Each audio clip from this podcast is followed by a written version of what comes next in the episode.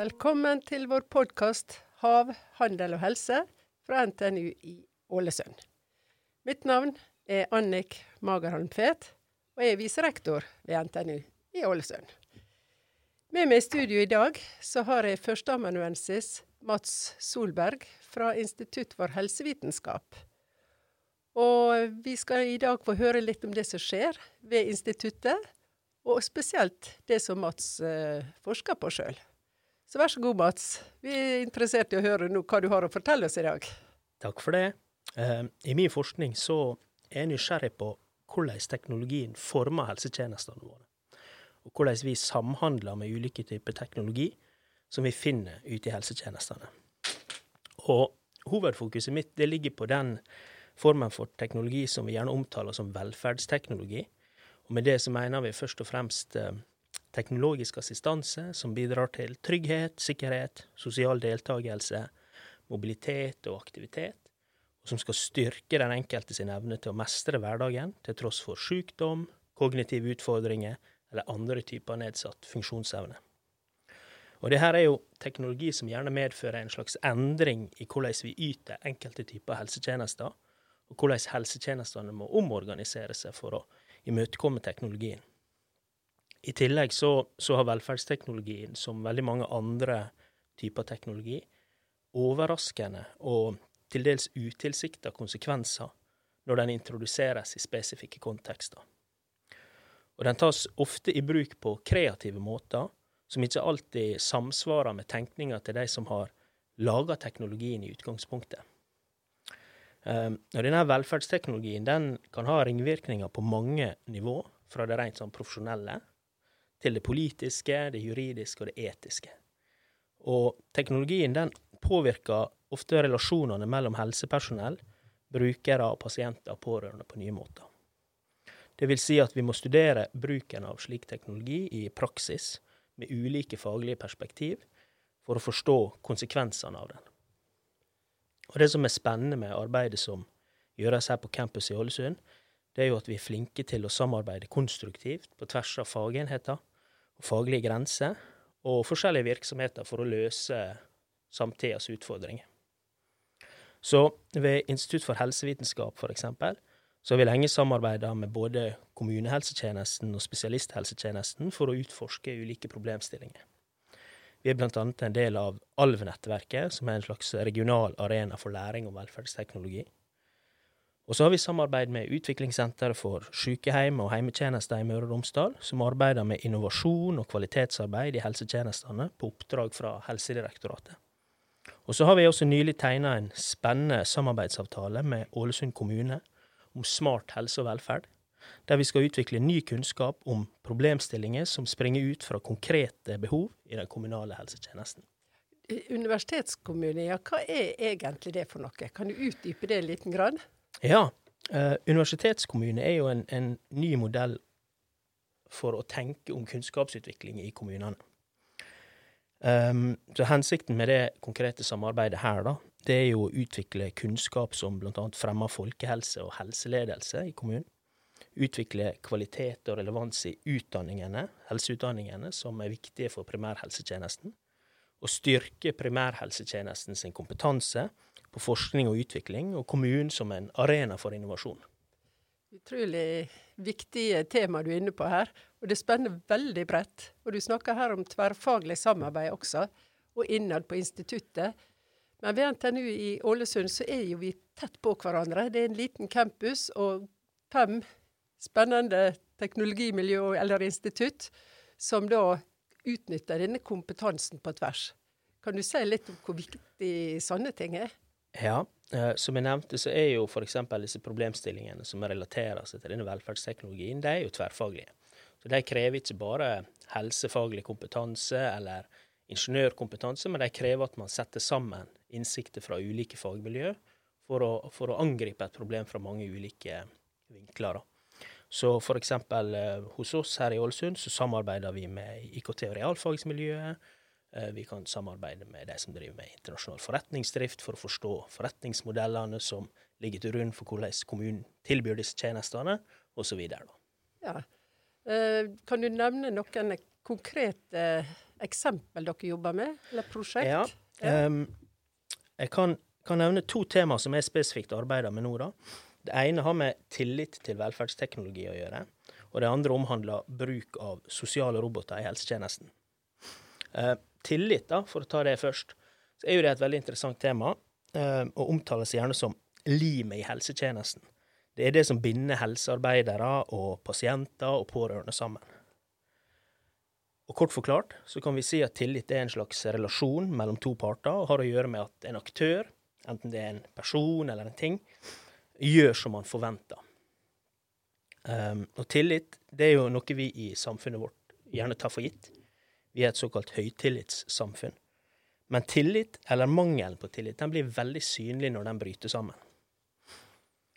Um, så på grunn av disse her demografiske endringene som vi alle snakker om nå, som gjør at vi blir færre arbeidende og flere eldre med omsorgsbehov, så hevdes det gjerne at bærekraften i det framtidige helsevesenet vårt er avhengig av en sånn storstilt implementering av velferdsteknologi for å opprettholde kvaliteten på tjenestene.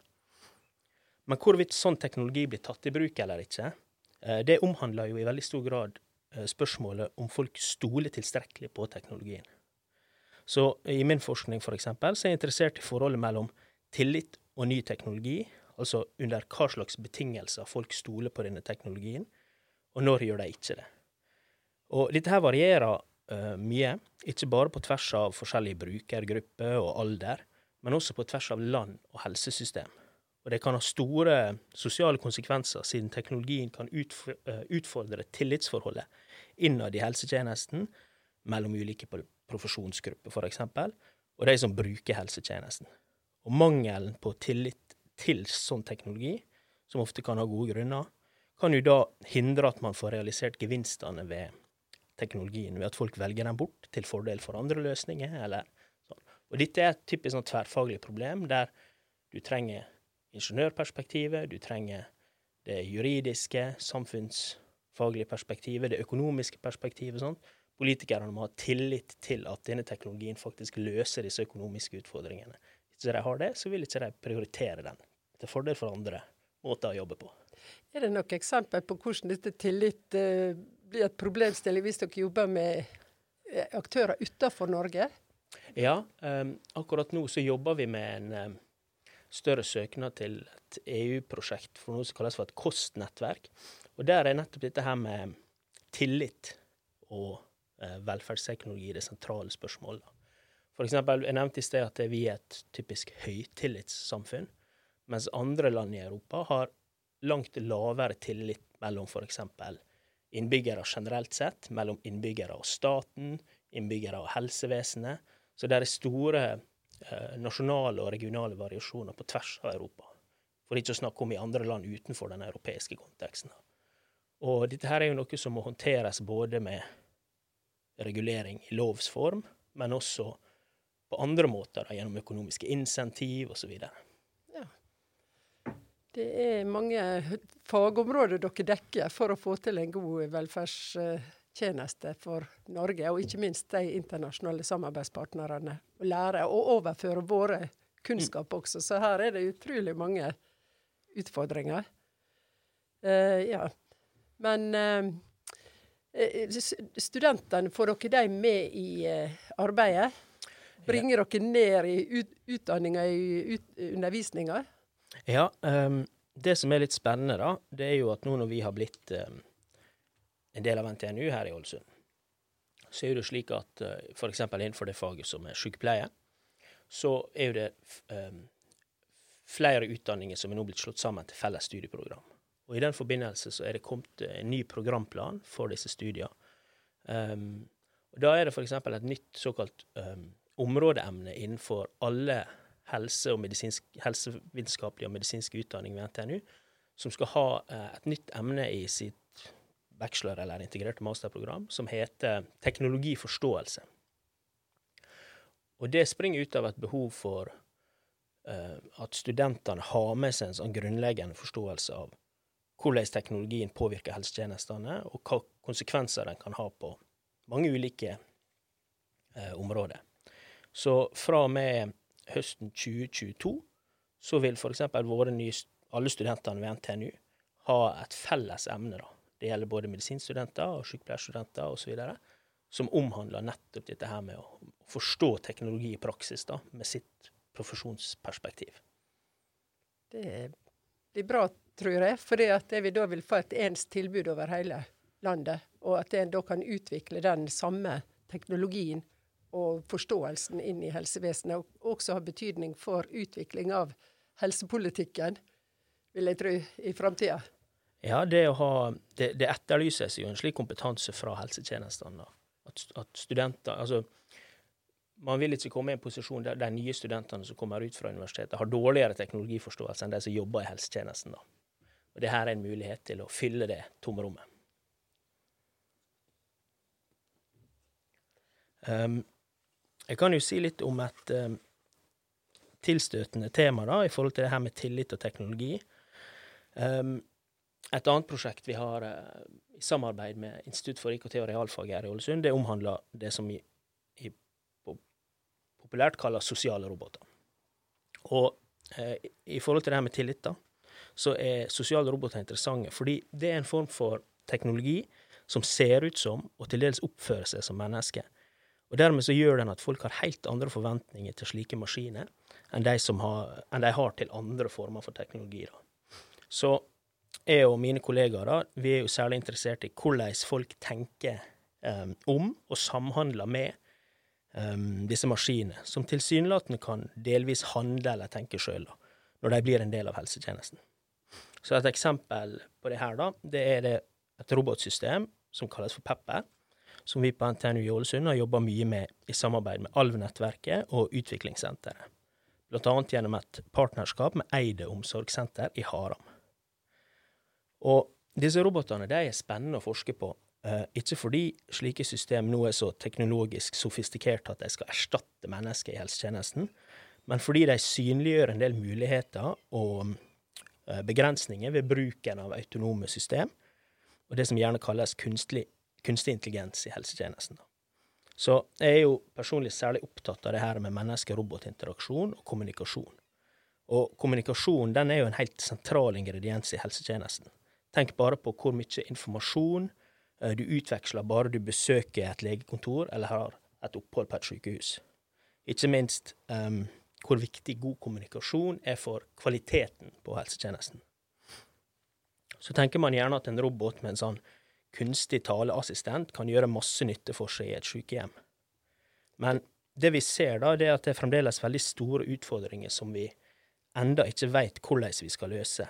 Tenk bare på det her med språk. Eh, noen av oss ser for oss en framtid der vi har masse sånne autonome robotsystem som løser alle mulige slags eh, utfordringer i helsevesenet.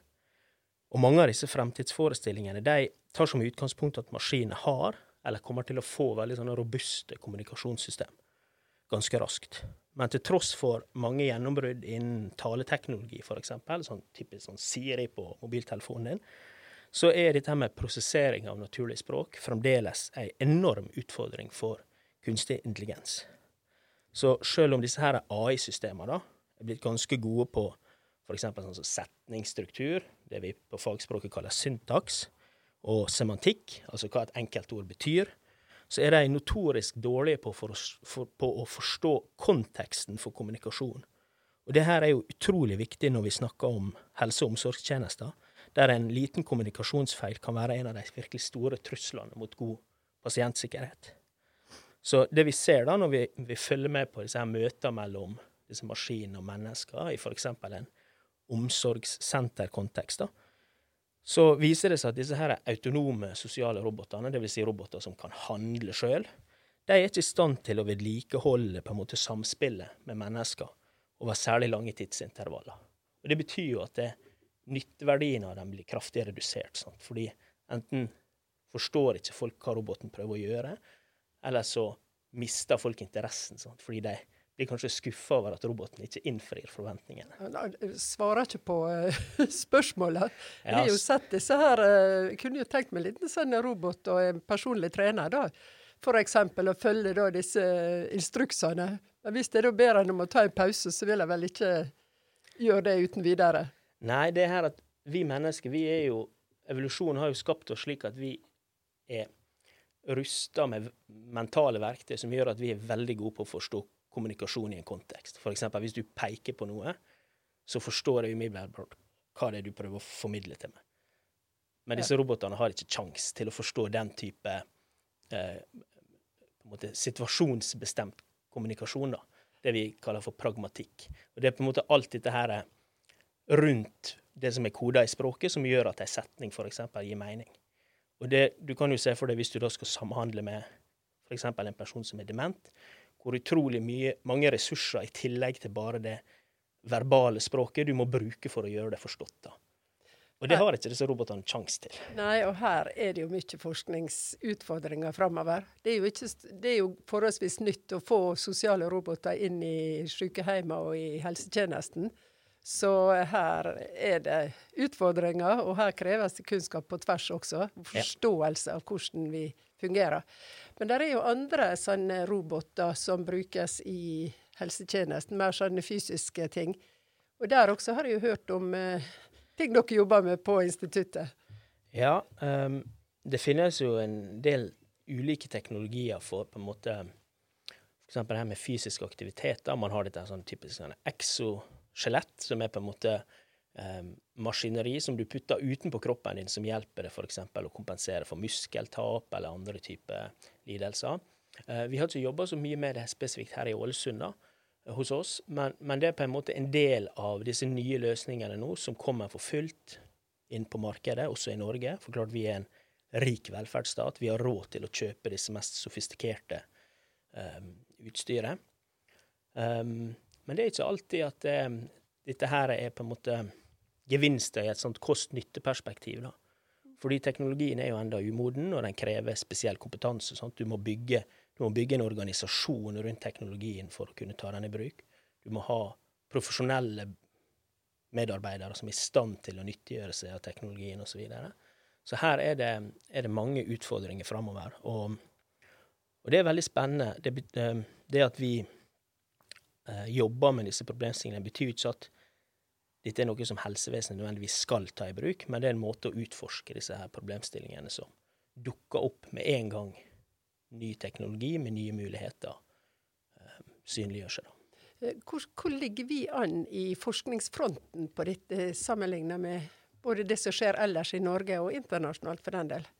Ja, vi, eh, Nå er jo vi så heldige her i, på NTNU i Ålesund at vi er jo en del av moderskipet NTNU i Trondheim. Eh, slik at der foregår jo veldig mye på tvers av Ålesund og Trondheim innenfor det området her. Da. Så vi har en veldig god dialog med med våre kollegaer der oppe.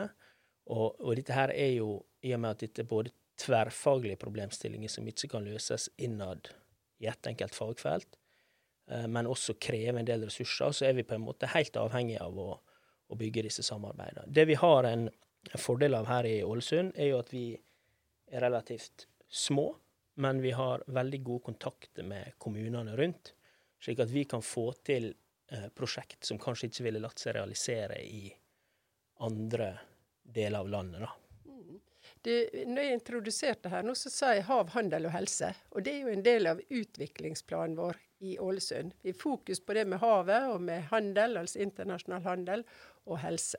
Og overalt dette så har vi da, på tvers med digitalisering og nyskaping og bærekraft, men på toppen så har vi simulering. Vi har sagt at det vi ønsker å utvikle bruk av simuleringsteknologi i, til ulike formål. Og det vet jeg at du har vært forkjemper for å få til simulering også inn i deres forskning.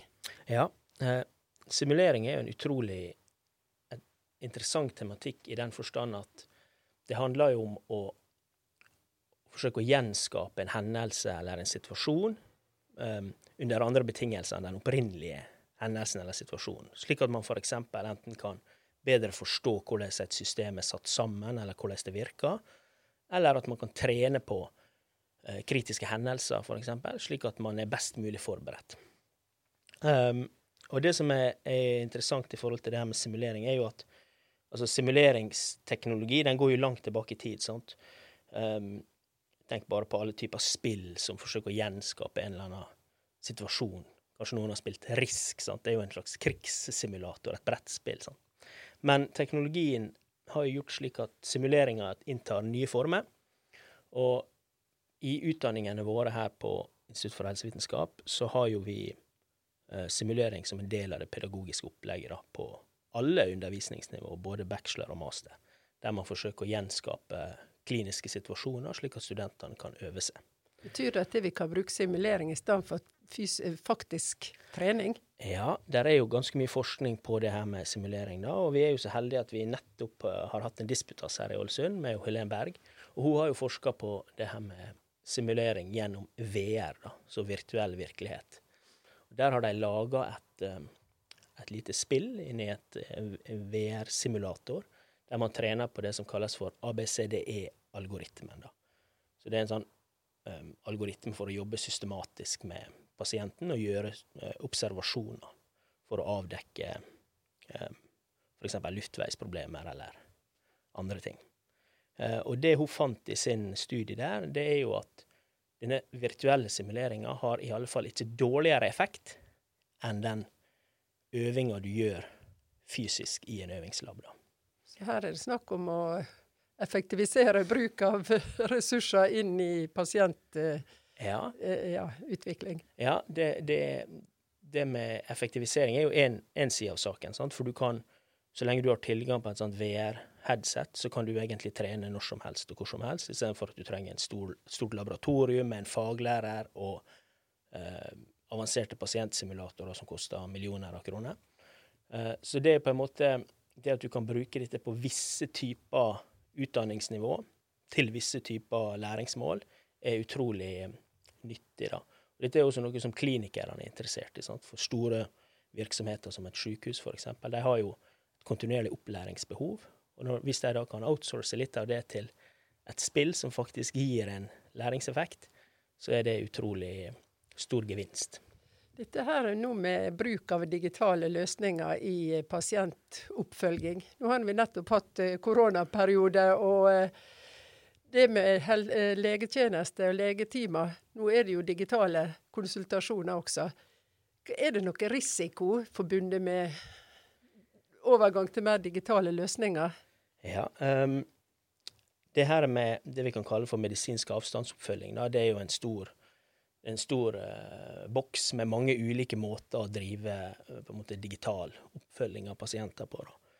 Og de som har lest i avisen, har jo kanskje fått med seg at nå når koronapandemien slo inn for fullt, så har jo eh, leger, fastleger, sykehus, eh, kommunale helsetjenester måtte ta i bruk avstandsoppfølging for et sånt smittevernbehov.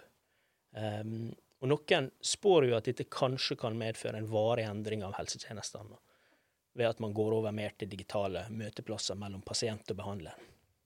Men vi vet jo ikke enda om dette her er en permanent endring, eller om at de mer hverdagslige måtene å gjøre ting på kommer sakte, men sikkert tilbake etter hvert som på en måte smitterisikoen går ned, osv.